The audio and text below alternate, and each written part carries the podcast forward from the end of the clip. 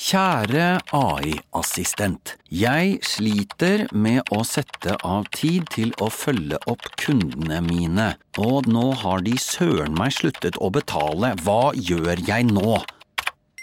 Med Amili, en ny helhetlig løsning fra Visma, kan du automatisere bort de kjipe oppgavene og tilpasse fakturering og betalingsoppfølging for hver enkelt kunde. Og det beste av alt, du får raskere betalt. Amili? La meg sjekke. Amili.no. Dokumentarserien Ingen elsker bamsegutt har på kort tid fått mye oppmerksomhet i norske medier. Ikke nødvendigvis av hva serien forteller, men snarere hva den ikke forteller.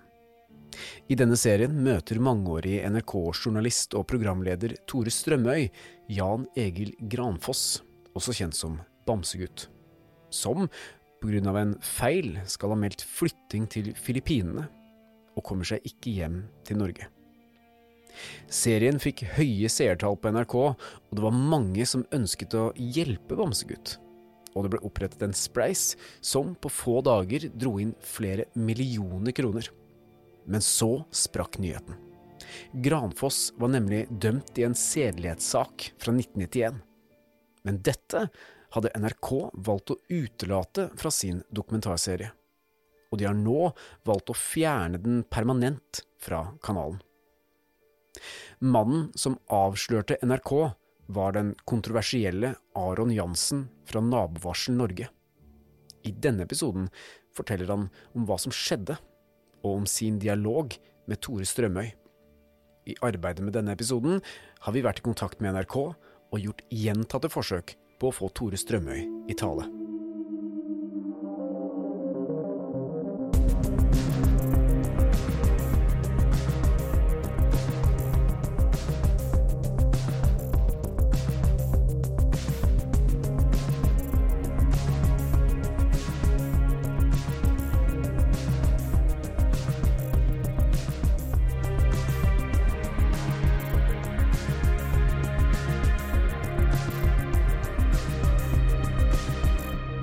Velkommen til oss, eh, Aron Jansen. Du eh, driver jo Nabovarsel Norge, som er en ganske kontroversiell organisasjon. For dere reiser jo rundt og rett og slett alter eh, folk som er dømt for overgrep, og varsler naboene. Og Politiet og påtalemyndigheten mener jo at dette er en ulovlig virksomhet. Du er jo faktisk blitt dømt til 15 måneder fengsel for denne måten å gå frem på, da. Og, men det skremmer jo ikke deg fra å fortsette dette arbeidet, og du er jo faktisk den personen som nå har Som først avslørte at denne Bamsegutt i NRK-dokumentaren eh, faktisk er dømt for overgrep tilbake i 1991. Og det du har reagert veldig sterkt på, er jo at NRK utelot å ta med denne dommen i dokumentaren. De unnlot å fortelle at uh, Bamsegutt er tidligere dømt for udyktig omgang med barn. Altså seks tilfeller. Ja, og Det kanskje folk reagerer mye på, er jo at uh, en ting er at han ikke nevner det i dokumentaren, men dokumentaren har jo da fått en at det har blitt opprettet en spleis, og folk, i hvert fall sist jeg så, hadde jo uh, betalt inn 3,5 millioner kroner til den mannen, og veldig mange av de følte seg jo veldig lurt da, ført bak lyset av NRK. Men aller først, Aron, hvordan startet det, for det var egentlig du som satte i gang hele ballet her, eller var det det? Ja, det var det. Eh, det jeg gjorde, var at eh, jeg har jo fått inn noen tips for en god stund siden, egentlig før dette her egentlig ble sendt på TV. Så satt jeg egentlig bare og venta på at media burde si fra om dette her. Media har såpass kontroll at uh, hvis det er noe sånn urett, så kommer media til å si fra. Ja, for, for Dette har vært en produksjon som NRK har jobba med i tre år. og Så du fikk tips da, fra noen? Ja, jeg, jeg fikk tips, og så begynte jeg å etterforske. Ja. Og så fikk vi jo tak i eh, noen papirer som det står da at han er eh, dømt for udyktig omgang med barn. Og så tar vi og og sjekker videre, så får vi tak i noen som han har forgrepet seg på, og snakker med dem. Eh, og så starter jo serien. Og eh, da tenker vi ok, nå, nå smeller det, nå kommer media til å fortelle om dette her. Og så hører vi ingenting. Ingenting, det er helt musestille. Ingen som vet det? eh, regner med folk, noen mediefolk visste kanskje om det og satt kanskje på gjerdet sjøl, men det var ingen som turte å gjøre noen ting. For dette er jo da liksom Tore Strømøy og en millionproduksjon, og det er store krefter involvert, da. Du har sett serien, eller? Ja, jeg har sett serien. Ja. Jeg har sett serien. Satt og venta ventet på at dette skulle bli et tema, kanskje? Eh, Ja, jeg satt og håpet på at det må jo komme opp noe her. Men han blir jo, eh, han blir jo uh, uskyldiggjort hele veien. Det er jo bare stakkars bamsegutt. Ja, for saken er at dette er en nordmann som eh, har gått på eh, stønad og Nav i en årrekke og flytta ned til eh, Filippinene for å komme unna en konflikt med barnevernet, er det ikke så? Ja. Og så på et eller annet tidspunkt så hadde han blitt spurt av Nav hvor lenge har du tenkt å befinne deg eh, på Filippinene, og så hadde han klart å skrive resten av livet, og da forsvant støtten. støtten.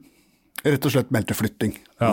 Og siden den gang så har han nærmest vært fast der, da. han kommer sin vei, blir det sagt. Ja, Det stemmer ikke helt heller, for han får jo også eh, trygd. Han har mye mer penger hver måned enn det en vanlig eh, filippinsk eh, hardtarbeidende eh, menneske har. Når jeg sitter og ser på programmet og det fortsatt ikke kommer noen ting, så tenker jeg vet du hva, nå skal jeg tipse media selv og sjekke om de vet dette her. Og da eh, tipser jeg eh, Aftenposten og sjekker om eh, de vet det. De ble helt sjokkert. Og så får jeg svar tilbake av dem etterpå at eh, det er faktisk sant det du sier, vi skal skrive en sak på dette her sånn. Dette her skal vi ta tak i. For jeg så også at det var en eh, journalist der som var kritisk til, eh, til selve storyen. Eh, Pletten heter vel denne, hvis jeg ikke husker helt feil. Altså Da er det igjen bekreftelse derfra, og så ringer jeg og tenker jeg at nå skal jeg ringe Tore Strømme. Skal jeg se om han tar Tore Strømme telefonen når jeg ringer han. Ta Vet du hva, før det smalt i media, ikke det var før det smalt i media. Og da sendte jeg han eh, Nei, jeg ringte han eh, og fikk gitt den, den beskjeden om at eh, er du klar over at Bamsegutt er tidligere dømt eh, for uh, utuktig omgang med barn? Og da får jeg beskjed om at ja, det var han klar over, det visste han for eh, eh, bare en måned siden. Altså dette er, De har holdt på med produksjon i nesten tre år. Eh, du bør vel kanskje vite det før det, da Ja. tenker jeg. Her er det noe feil. Han sier også at fikk vite det av politiet for en måneds tid siden. Eh, ja vel, eh, greit nok, sikkert fått vite det av politiet for en måned siden, men de har fortsatt ikke gjort noen ting, og de velger å tilbakeholde det og kjøre episoden. Da tenker jeg, veit du hva, når media sier de skal skrive om det, og Tore eh, også eh, bekrefter det jeg også vet, så gidder ikke jeg å sitte og vente lenger. Jeg sitter med papirene og sitter og ser navnet hans. Og det var da du skrev denne famøse Facebook-innlegget 'Bamsegutt er grisegutt'? Det er helt riktig. Ok, og da smalt det. Og da smalt det med en eneste gang. Jeg fikk eh, over 6200 delinger bare i løpet av kort, kort tid. Men før vi går inn på det, Helge. Aron, du tok jo opp denne samtalen med Tore Strømøy. Det har du din fulle rett til å gjøre, du er en del av samtalen, så du kan absolutt ta den opp. Er det du som har lagt ut disse greiene på nettet? Det er helt riktig. Hvorfor gjør du sånt? Hvorfor skal jeg gjøre det? Du, du som er mot overgrep, hva er det her, da? Dette var en liten del av eh, nesten kvarters eh, samtale mellom eh, Aron Jansen og Tore Strømøy. Vi har falt ned på at vi ikke skal eh, publisere mer av denne samtalen her. Nei, vi kan jo ikke det, fordi vi har jo faktisk ikke klart å få tak i Tore Strømøy. Vi har holdt på nå nærmest en uke. Jeg har ringt eh, x antall ganger, jeg har sendt SMS-er, jeg har sendt mail, vi har ringt NRK sitt eh, sentralbord. Og eh, det er jo ikke noe tvil om at han, han vil jo ikke snakke med oss. Fordi når vi går inn på Instagrammen hans, så ser vi jo at han er i Trondheim, vi ser at han er på Tyholt. Så det er ikke sånn at han er utilgjengelig, han har bare gjort seg utilgjengelig. Og det syns jeg er litt spesielt, fordi for en fyr som lever av at andre mennesker skal snakke, så syns jeg det er litt sånn merkelig at han ikke stiller opp og tar en samtale med oss, da, når vi prøver å få tak i ham, men at han rett og slett bare ghoster oss, altså. Ja, Det vi hører Tore Strømøy si i det opptaket her, er jo at han ikke så noen grunn til at dommen skulle være en del av denne dokumentarserien. I etterkant så har jo det blitt en voldsom debatt, og det har vært skrevet side opp og ned om, om denne saken her. Og NRK har jo lagt seg langflat og referert til vurderinga av å sende den serien her som en etisk kortslutning, og det sier NRK altså om sitt eget arbeid. Mm. Og de har trukket programmet? Det var jo snakk om skal de klippe det og så få inn den informasjonen, men nå har de bare droppa hele det, det, dette prosjektet. Tore Strømme mener jo at disse tingene skjedde for over 30 år siden, og at eh, det ikke var så alvorlig da, i hvert fall det subjektive inntrykket jeg har. Men er det virkelig sånn Mener du at man skal straffes hele livet? Jeg mener at du skal sitte i et register resten av ditt liv så lenge du har forgrepet deg på barn. Barn som blir forgrepet seg på, eller voksne, de går rundt med en skam og en følelse av uh, skittenhet resten av livet. De går i et evig fengsel. Så hvorfor skal ikke en overgriper da havne i et register? Jeg regner med at kvinner har lyst til å vite hvem den neste mannen sin er, f.eks. Eller hvem er det jeg dater på Tinder? Er han tidligere dømt for å, å voldta noen, eller voldta noen barn? Ganske feil å unnlate folk, da, og, ikke få vite sannheten om andre. Det syns jeg er farlig. Derfor ønsker jo vi, som vi jobber for, da, et register. Mot slutten av denne samtalen som du hadde med Tore Strømøy her, Aron, så er jo Strømøy veldig kritisk mot det du driver på med her, og han sier jo at på et eller annet tidspunkt så kommer du til å ha et liv på din samvittighet. Hva, hva tenker du om det? Nei, jeg har eh, ikke gjort noe gærent i denne situasjonen her. Her er det NRK som skulle ha gått i seg sjæl. Hadde ikke jeg vært først ute, så regner jeg nok med at en annen mediekanal hadde vært før meg. Og NRK eh, legger seg padde flate og forteller om at det er en, en kortslutning i redaksjonen deres. Så hvis det er noen som kan ha liv på samvittigheten, så er det NRK som står bak alt sammen.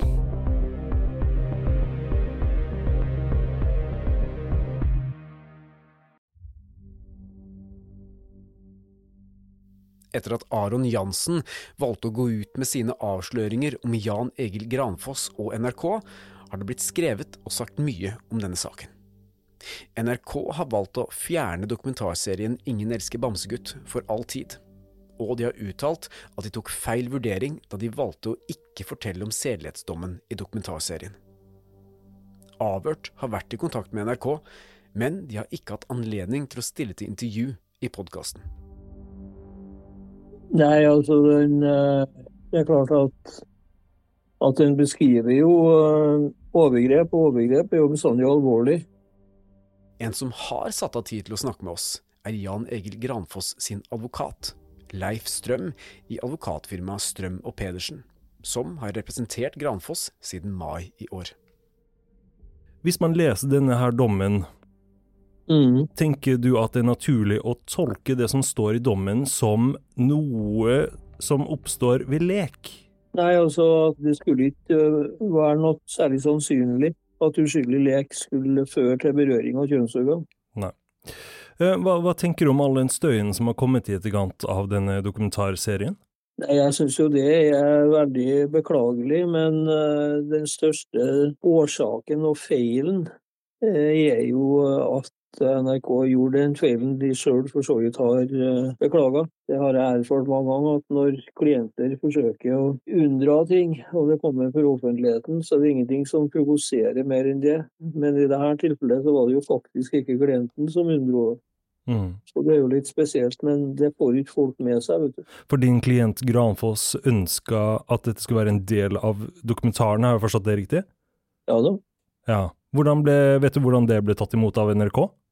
Nei, det vet jeg ikke. Jeg vet ikke, for jeg var ikke til stede til den diskusjonen. For uh, det som er videre beklagelig, da, det er jo at jeg ble jo ikke informert før det sprakk. Nei, så du ble ikke invitert til å være en del av den vurderingen før publisering? Nei, overhodet ikke. Hva, hva, tenker du om det, da? Nei, jeg syns jo det er beklagelig, da. Fordi at det er ingen tvil om at eh, jeg ville ha støtta Granfoss sier at selvfølgelig skal det her være med. Mm. Selvfølgelig skal vi ikke drive noe dekkoperasjon. Hvordan har denne dokumentarserien her påvirka Jan Egil Granfoss og familien hans? Du kan vel si det sånn at i utgangspunktet, når eh, alt så ut til å bare være positivt, så, så var det jo en betydelig støtte. Men når saken snudde, når da denne dommen kom for dagen, så ble det jo her nær sagt nesten verre enn det var. Det er jo utrolig tragisk at det ble gjort på den måten. Da. For uh, jeg, har, jeg, faktisk full forståelse for at folk uh, følte seg lurt og ble provosert av det. Det er jo helt normal reaksjon, det. Mm. Jeg forstår det sånn at uh, Granfoss og familien er nå i Norge. Hvordan ser Jan Egil Granfoss uh, på sin egen situasjon nå? Kan du si noe om det? Ja, nei, han syns jo, syns jo det her er tøft. Det syns han så absolutt. Men jeg har eh, sagt til han at han på et eller annet tidspunkt så må han jo finne seg et sted å bo i Norge. Og da har det neppe noen hensikt å gå rundt og, og prøve å skjule seg. Han er jo en stor, kraftig kar som helt klart vil bli gjenkjent. Så mitt råd til han, stå frem. Stå frem som den du er, og så får nå folk tro hva de vil.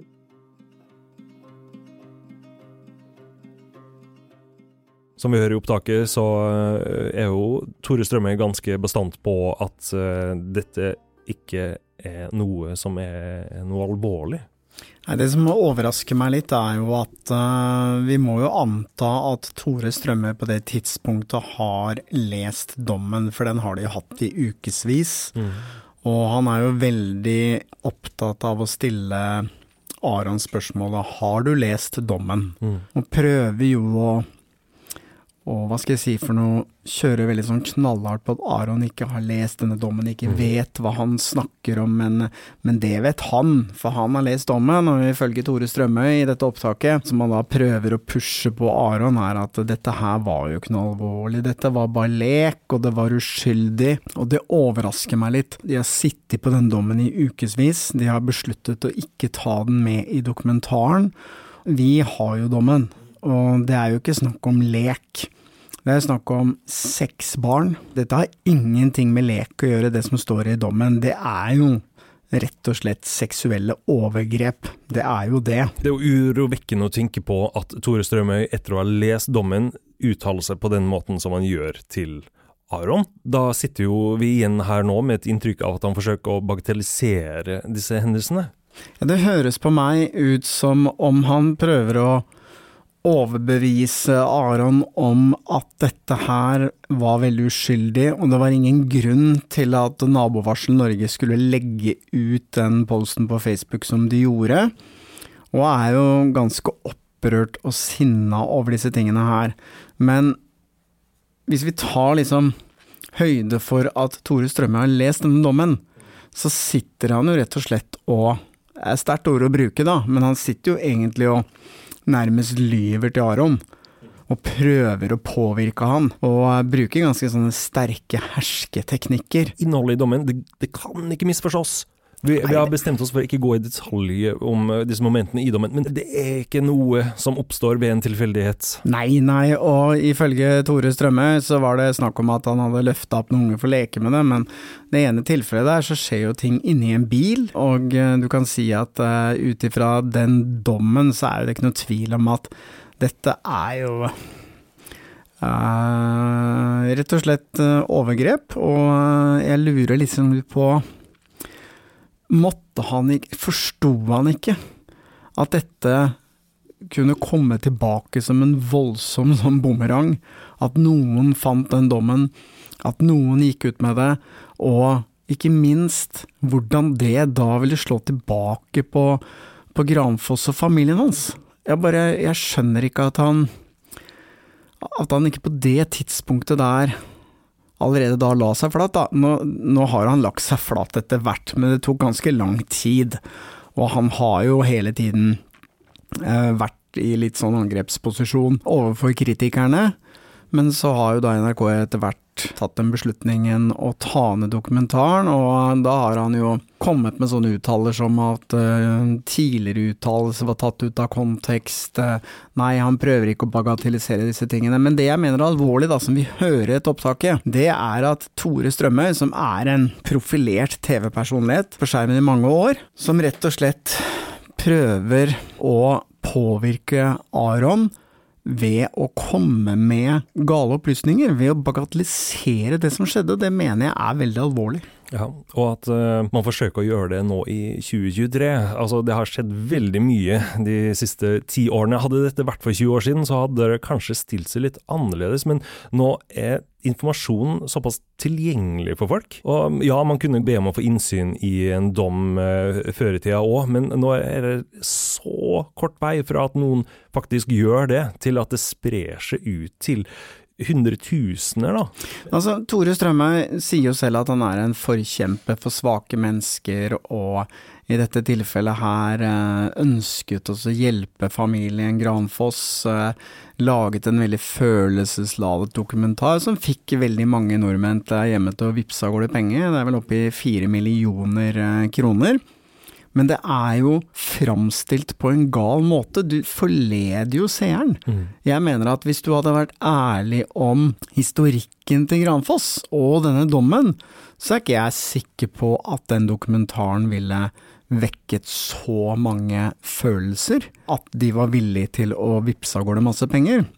Og det som også er alvorlig, da jeg må bare si det, er at det sitter jo noen ofre der ute som må leve med det Granfoss gjorde, og tenker ikke Tore Strømøy at det vil påvirke de menneskene når de ser det på TV, det forstår jeg ikke.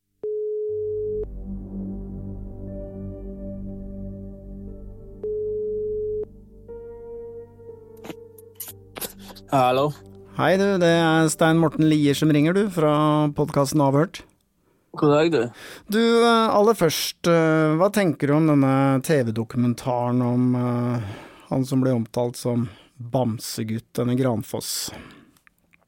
Altså, I utgangspunktet, når NRK ringte meg jo noen uker i forveien og ga beskjed at de holdt på å lage en dokumentar om en Jan Egil Granfoss Umiddelbart så husk, klarte ikke jeg å koble hvem det var, men så sier de da at uh, grunnen til de ringer, er fordi at uh, jeg kom opp i en sånn sedelighetsdom så han uh, ble idømt i 1991, og da kobla jeg det jo. Men sånn som de la det fram for meg, da, så skulle det liksom ikke handle noe om ja, Det skulle verken handle om dommen eller noe særlig. Det, det det skulle handle om, var liksom hans kamp mot Nav. og sånn I utgangspunktet så hadde jo ikke jeg noen motforestillinger mot det. Okay. Men eh, når jeg ser dokumentaren, da, så de framstiller han sånn som de framstiller han De fremstiller han jo nesten som den snilleste mannen i verden. Mm. Og legger det frem at alt er så veldig sunn han. Altså, hadde jeg visst det i forkant, så hadde jeg nok uh, hatt mer imot det. Ja, fordi uh, Hva var det de sa? De sa bare at de skulle ha en dokumentar om en manns kamp mot systemet, var det sånn? Stemmer det. Mm. Men, men, hva tenker du om at de, de liksom unnlot å nevne at han var dømt eh, for disse tingene? Ja, altså I etterkant så kjenner jeg jo at det provoserer veldig, i, i, i, og med at de framstiller han sånn som de framstiller han. Mm. Men der og da så tenkte jeg ikke så mye på det. Nei, ok. Kan du huske noe særlig av det som skjedde den gangen? Eller hvordan har det liksom preget deg? Ja, altså, Det er jo mange år siden, og på mange måter så er det jo ikke noe jeg går og tenker på lenger. Men eh, både meg og broren min rett etter dette skjedde, begynte jo å ruse oss ganske kraftig. Ok. Og det er kun uh, seks år siden jeg klarte å bli rusfri. Fra den tida og broren min åtte år siden. Så det har jo tatt uh, lang tid å komme over, kan du si. Mm. Kan du huske hva slags type han var den gangen? Altså, hvordan uh, opptrådte han? og ja, så, han var jo naboen min, da. Og hadde en garasje der han holdt på å jobbe med biler og eh, fikste syklene og sånn som det for oss. Så I begynnelsen så var det jo ingen problem. Han var ikke en liten unge, egentlig, sånn som vi opplevde han. Men så, så begynte han jo å ta oss med på sånne kjøreturer rundt omkring. da, og Det var jo da han begynte, når vi kom vekk fra nabolaget, det var da han begynte å oppføre seg truende og begynne å begynte å ta, ta av meg buksa og skulle ta på meg og sånne ting. Ok, Oppføre seg truende, hvordan da? Når jeg begynner å rive av deg buksa og begynner å ta på deg og sånn, så opplevde jeg det som truende. Og der, altså, Jeg var jo ikke gamlekaren, og vi var jo langt vekke fra der jeg bodde, så jeg, jeg følte liksom ikke bare kunne hoppe ut av bilen og springe av gårde, liksom. Mm. Men hva tenker du om at en uh fyr som eh, Det var jo han Aron Jansen i Nabovarsel Norge som eh, gikk ut og, og publiserte denne, dette om at Granfoss var dømt for overgrep. Hva tenker du om det han holder på med? Jeg, jeg syns det er greit. Jeg, der og da så, så meg og broren min snakket jo mye om det, hvordan dette her var, og vi syntes det burde komme ut. Og så gikk det jo ikke lenge tid etter meg og han hadde snakket om det, og der Aron kom ut med det. Så jeg, jeg syns det er bra, jeg, altså. Mm. Har du hørt noe fra NRK i etterkant etter at denne dokumentaren ble eh, tatt vekk fra skjermen? De ringte meg eh, før de hadde pressekonferansen om at de skulle ta en, kansellere den, og så tilbød meg et møte med kringkastingssjefen. Men etter det har jeg ikke hørt noe. Men du, du gikk ikke det møtet? Ble aldri noe av det møtet, eller? Nei. Nei eh, hvorfor ikke? Jeg hørte aldri noe fra dem igjen. De ringer deg og sier at du kan møte kringkastingssjefen, og så hører du ikke noe mer etter det? Stemmer det. Ok. Hm. I etterkant av at dette ble avslørt eh, via Nabovarsel Norge, så, så var jo Tore Strømøy veldig opptatt av å prøve å tone ned dette her, at denne dommen mot Granfoss ikke var så veldig alvorlig. At det bare var uskyldig lek. Hva tenker du om det? Nei, det, det, det var veldig provoserende, de meldingene som jeg så han eh, svarte folk med og sånn. Han la det jo frem så det bare var lek, og at han hadde kommet borti oss, men det var jo ikke det. Han gikk jo aktivt inn for å få av oss klærne og ta på oss og sånn. Og det var jo ikke når vi lekte han gjorde det, det var jo i andre settinger. Hvis det hadde skjedd med hans unger, så vet jeg ikke om jeg hadde sagt det samme da. Mm. Og så sier du at uh, det blei jo mye rus i etterkant av dette her, og det tok mange år før du kom ut av det. Tror du at det som skjedde den gangen har noe sammenheng med at du begynte å ruse deg, eller? Ja, altså jeg kan jo ikke si noe uh, definitivt, men uh, jeg ser ikke vekk ifra det. Det var ikke lange tider etterpå jeg begynte Allerede eh, ganske rett etterpå så tror jeg jeg ble tatt for innbrudd første gangen når jeg var ti. Okay. Så egentlig samme året. Da ja. begynte jeg å utagere etterpå. Okay. Og halvannet år etter det så begynte jeg på amfetamin, og så gikk det jo bare slag i slag, kan du si. Inn og ut av fengsel og Men kan du huske om uh, denne hendel, denne hendelsen med Granfoss ga deg hva skal jeg si for noe, skyldfølelse, skam?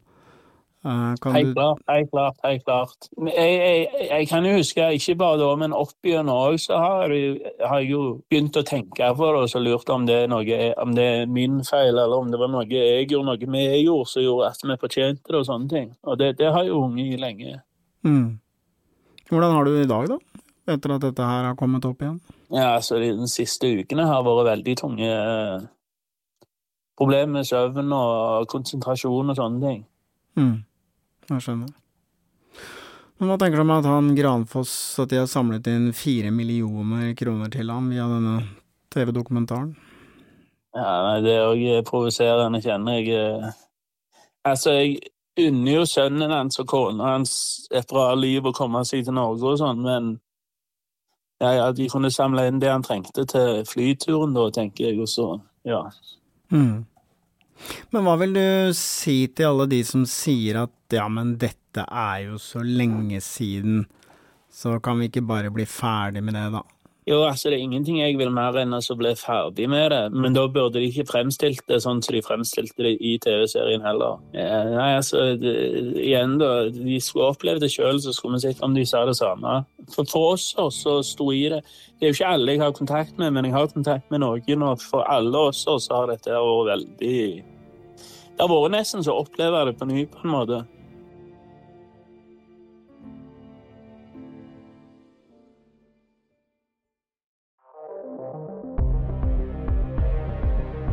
Nei, jeg syns det er utrolig viktig å påpeke at selv om det har gått 30 år, så betyr ikke det at det er borte og glemt nødvendigvis for de som opplevde det, for vi vet jo det at nå ser jeg ikke at det er sånn, men jeg har da støtt på mange eksempler i mitt liv at folk i voksen alder og eldre enn 40 år har vært godt traumatisert av ting som skjedde da de var barn.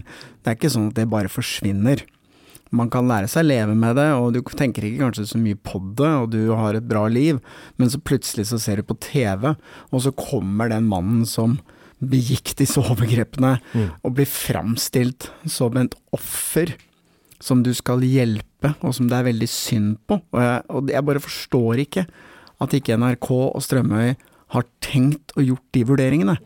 Men jeg mistenker, vet du hva jeg mistenker? Det må jeg få lov å si, men det er min personlige mening, er at eh, de hadde jobbet så lenge med det, brukt så mye penger på det, og så kommer dette her opp i siste liten, og så skjønte de at hvis de skulle ta med det, så måtte de bare lage hele dokumentaren på nytt, og så tok de en sjanse. Mm. At Granfoss er et offer, det er jo ikke noe å legge skjul på. Han er jo offer, og det kommer jo veldig tydelig frem i denne dokumentarserien. Men det hadde ikke vært mulig å lage dette her hvis man skulle fortelle denne historien om overgrepene i 1991. Altså, da, da, hadde det jo blitt en helt annen serie. Ja, altså premisset for serien hadde blitt litt annerledes. Intervjuene måtte gjøres helt annerledes. De bruker mye tid på dette med barnevernet, og fordi familien måtte flykte pga. barnevernet. Men uh, kanskje denne dommen da hadde noe å gjøre med vurderingene til barnevernet. Det kan godt være. Ikke sant? Sånn at det, det hadde endra hele, uh, hele dokumentaren. Mm. Og det tror jeg de skjønte. At da måtte de gjøre hele jobben på nytt, hvis de skulle ta med disse tingene.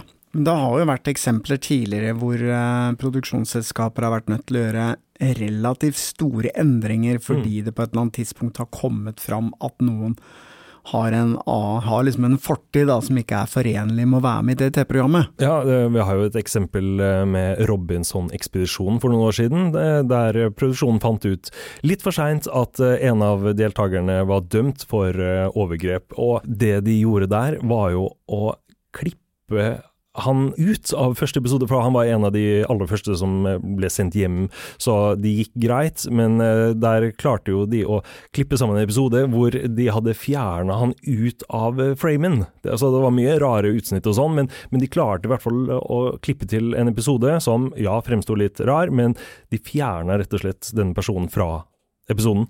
Ja, klart at Problemet for NRK her er at man kunne ikke fjerne Granfoss fra den dokumentaren, for han var jo hovedpersonen.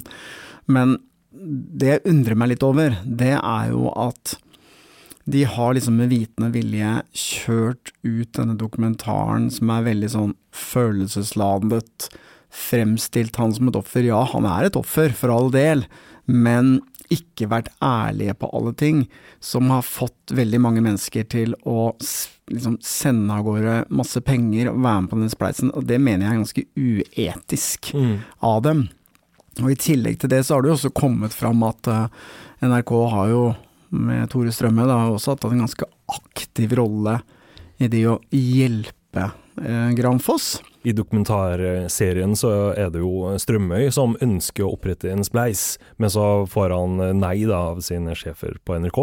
Men dokumentaren her er jo veldig preget av at Strømøy er jo mer en aktivist enn en journalist. Han blir jo hans personlige misjon i dokumentarserien å egentlig hjelpe familien, få ham hjem, skaffe penger osv. Mm. Og det framstår for meg sånn litt underlig, da, at uh, man mikser disse sjangerne på den måten. Ja, det, det, er jo en felle da, som man kan gå i når man blir eh, sterkt knytta til en du lager et uh, journalistisk produkt om, over lang tid. Mm. Så dette er jo noe vi kan relatere til selv òg.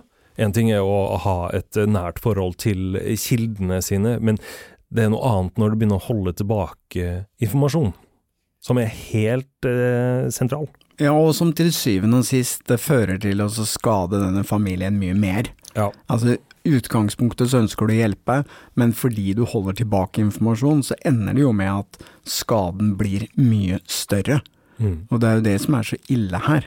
Jeg tenker at eh, hvis NRK hadde vært ærlig på disse tingene, så ville jo selvfølgelig dokumentaren blitt helt annerledes. Men da kunne man liksom stått inne for det man har gjort, og det ville ikke vært noen overraskelser som hadde kommet. Og det kan godt hende at mange mennesker hadde tenkt at ja, men det skjedde for så lenge siden, selvfølgelig er det synd på han, vi skal hjelpe han likevel, men det hadde vært helt greit. Men nå så ender jo Granfoss og familien hans opp med utrolig mye støy og negativ publisitet. Apropos det, publisitet, hva, hva, tenker du om det da? Nå er det over en uke siden, men pressen fortsetter jo å komme med saker om dette, og med fare for å kaste stein i glasshus, vi òg bidrar jo til det. Ja, men jeg tenker at uh, grunnen til at vi gir ut dette, er jo ikke først og fremst for å kverne på de samme tingene som de andre har gjort, selv om man nødvendigvis er nødt til å snakke om det.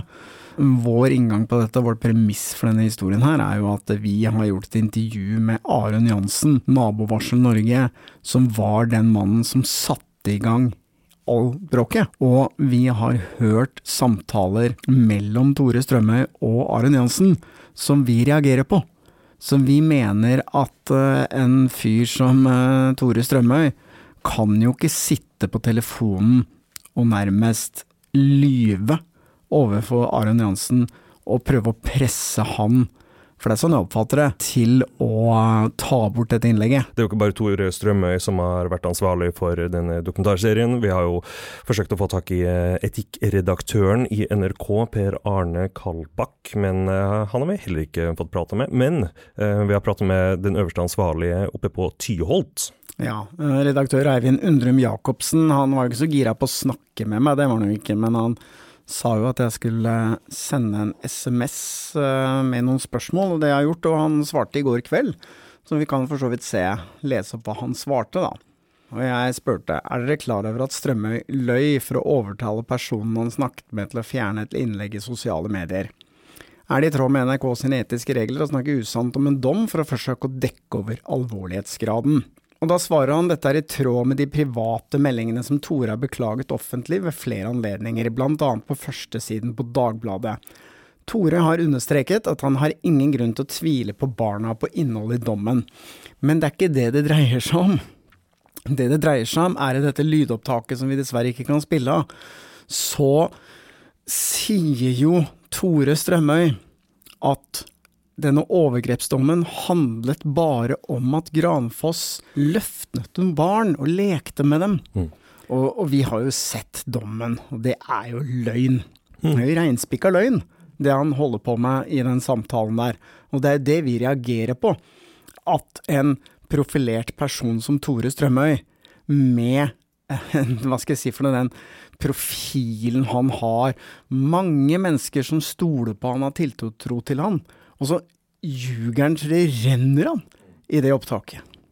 Vi må jo bare gå ut ifra at Tore Strømøy hadde lest dommen på det tidspunktet hvor denne samtalen finner sted, og da går det ikke an å tolke i annen retning. At han forsøker å påvirke Aron til at han skal fjerne innlegget. Ja, ved å lyve. Og hvis han ikke har lest dommen, så syns jeg det er nesten enda verre, skal jeg være helt ærlig. Ja, det var en katastrofe. For den har du jo sittet på i ukevis. Ja, men det er liksom den følelsen jeg sitter med òg, da. Mm. At han kan jo ikke ha lest dommen. Når, når, han, når han sitter og sier disse tingene her. Nei, det er to alternativer. Enten så lyver han bevisst og gambler på at Aron ikke har sett dommen, og tenker at nå skal jeg liksom uh, presse han til å fjerne det innlegget ved å fortelle han at uh, noe annet enn sannheten. Eller så har han ikke lest det, og det mener jeg er jo helt på trynet hvis han ikke har gjort det. Ja, videre så spurte jeg hvorfor ble ikke Granfoss sin advokat tatt med i diskusjonen dommen skulle tas med i dokumentaren, da. Mm. Og da svarer han at NRK gjorde en selvstendig vurdering om å ta hensyn til Granfoss sin familie og de fornærmede i saken. Det er NRK som har redaktøransvar for det vi publiserer. Ja, jeg forsto ikke det svaret. Hva, hva mente han? Han sier at uh, han advokaten han har ikke noe med hva de publiserer. Ja. Litt spesielt svar, spør du meg. Selvstendig vurdering. Og så spurte jeg, involverte NRK ofrene i overgrepssaken før det ble besluttet å publisere uten å ta med dommen? Og da skriver han bare vi kontaktet alle de fornærmede i saken fra 1991 før vi publiserte serien. Kontaktet, ja. Mm. Men vi har jo snakket med et av ofrene som sier at ja, det er riktig at NRK kontaktet han, men uh, han følte ikke at uh, de var ærlige overfor hvordan de skulle fremstille Granfoss. Mm. Så da han så det på TV, så var det ganske traumatiserende for han. Det han fikk beskjed om av NRK, var at denne dommen og sedelighetssaken skulle ikke være et tema, men det skulle handle om Granfoss sin kamp mot eh, systemet. Jan, da, som vi prata med, reagerte veldig sterkt på hvor stakkarslig eh, Granfoss ble fremstilt. Absolutt. Det siste spørsmålet jeg eh, stilte var hvor viktig var økonomi i beslutningen om å ikke ta med dommen da NRK ble informert om dette. Og da skriver han økonomi var aldri noe tema. Var økonomi aldri noe tema? Så da må vi bare akseptere at det er det han har svart. Mm. Men uansett, uh, vi skulle gjerne ha snakket med Tore Strømøy om dette opptaket, om denne samtalen, og om det at han Om det var slik at han helt bevisst snakket usant, eller om han rett og slett ikke hadde lest dommen. Begge deler syns jeg faktisk er ganske ille. Jeg ser jo at jeg nå faktisk i dag, torsdag 30. november klokka to, så er han tilgjengelig på NRK P1 pluss hvor han da skal prate om spesielle juletradisjoner, så det går det an å ringe inn og snakke med han live, da, eventuelt? Hvis det er eneste måten å få han i tale på, så syns jeg vi skal gjøre et forsøk. Vi skal selvfølgelig ikke kuppe en livesending på NRK P1 pluss, hvor Tore Strømøy skal prate om spesielle juletradisjoner, men vi ser at Strømøy har lagt ut et telefonnummer som han kan nås på, men jeg tipper at vi kommer først til en produsent, sannsynligvis, uh, som kommer til å spørre om hvilke juletradisjoner. Så får vi bare si da som det er, at vi har forsøkt å få tak i Tore Strømøy nå i en uke. Vi har sendt mail, vi har sendt SMS. Har han mottatt vår henvendelse? Mm. Det må vi nesten få et svar på. Så om den produsenten da kan gi en beskjed til Strømøy, opplys om telefonnummeret ditt, da, så han kan ringe det opp igjen. Det er jo ryddig. Ok, da ringer vi. Hallo, velkommen til telefontilbudet med Tore. Du, hvem er det jeg snakker med? Nå snakker med assistenten til, til. God. Ja, hei, du, du skjønner at uh, dette er Stein Morten Lier som ringer. Jeg driver en podkast som heter Avhørt, og så skulle vi bare snakka med han om uh, et par ting i den podkasten. Altså, men vet du hva, hvis han ikke vil snakke med oss, så er det greit, men jeg har liksom ikke fått noe svar. Jeg har ringt og ringt og sendt SMS-er og mail og alt mulig, så det er greit å vite om han har fått beskjedene mine, altså. Akkurat nå så har vi et innringningsprogram, så Jo, jo, men jeg, jeg er klar over det. Det er ikke meningen å Det er ikke noe Dessverre ikke brukt mer tid på det akkurat nå, for jeg har innringere. Til, til programmet. Det skjønner jeg, men det var fint om du kunne bare bedt han om å bekrefte at han har fått Takk for at du ringte. Ok. Eh, nå vil jeg i hvert fall eh, hevde at vi har gjort det som står i vår makt for å få tak i Tore Strømøy. Ja, Det som vi fikk beskjed om fra Redaktørforeningen, var at vi måtte gjøre alt som sto i vår makt for å få tak i han. Vi har ringt og ringt, vi har sendt SMS-er, vi har sendt mail, og dette er siste Nå vet vi, nå snakka vi med assistenten til Tore Strømøy, han var i nærheten her, vil jeg tro. For de har et innringningsprogram, og jeg ringte ikke nå for å kuppe programmet, det var ikke det jeg gjorde, men jeg bare sier kan du være så snill å få han til å bekrefte om han har fått disse meldingene, han har hørt fra oss. Uh, og uh, nå må vi jo være ganske sikre på at han har fått beskjed nå, for jeg vil jo tro at assistenten hans nå videreformidler dette her. Bortsett fra det så la han jo på, vil ikke snakke med meg. Men greit, nå har vi gjort alt som står i vår makt, det, det er ikke noe mer vi kan gjøre.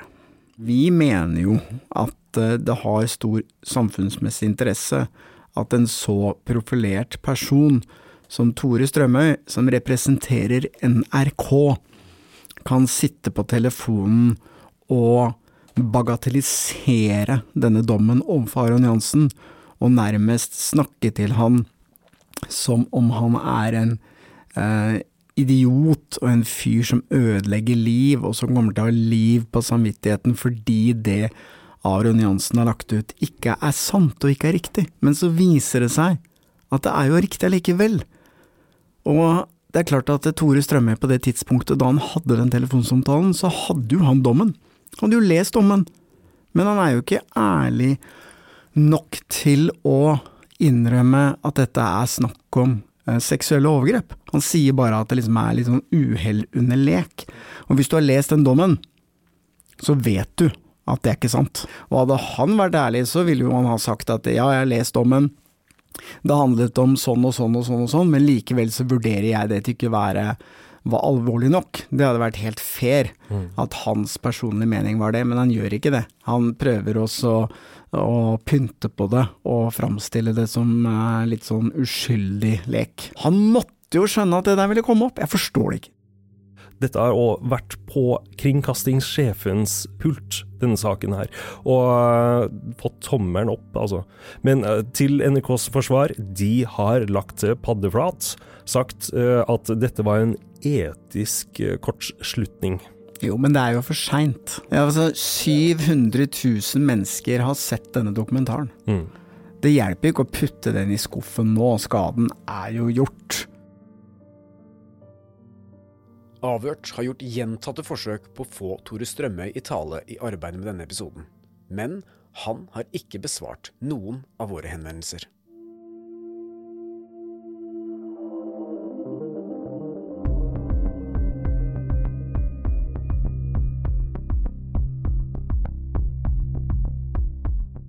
Avhørt er produsert av Batong Media. Redaksjonen vår består av Stein Morten Lier, Helge Molvær og Lars Kristian Nygårdstrand.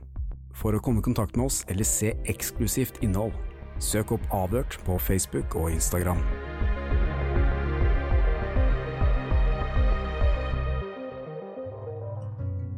Hvis du setter pris på Avhørt og syns at den jobben vi gjør er viktig, så kan du støtte oss ved å vippse til 8 80 75 99, eller søk opp Batong Media i vips appen Og vi setter stor pris på alle bidrag, store og små. Vi i Rema 1000 kutter igjen prisene, nå på en mengde påskefavoritter. Eksempel kutter vi minst 25% på gourmetstykket fra Hatting, 150 gram bacon fra Nordfjord, rett i koppensuppe fra Toro og andre påskefavoritter. Alt dette og enda flere priskutt på minst 25% For det er sluttsummen på påskehandelen som teller. Og husk at vi fortsatt har fryst prisen på over 1000 varer.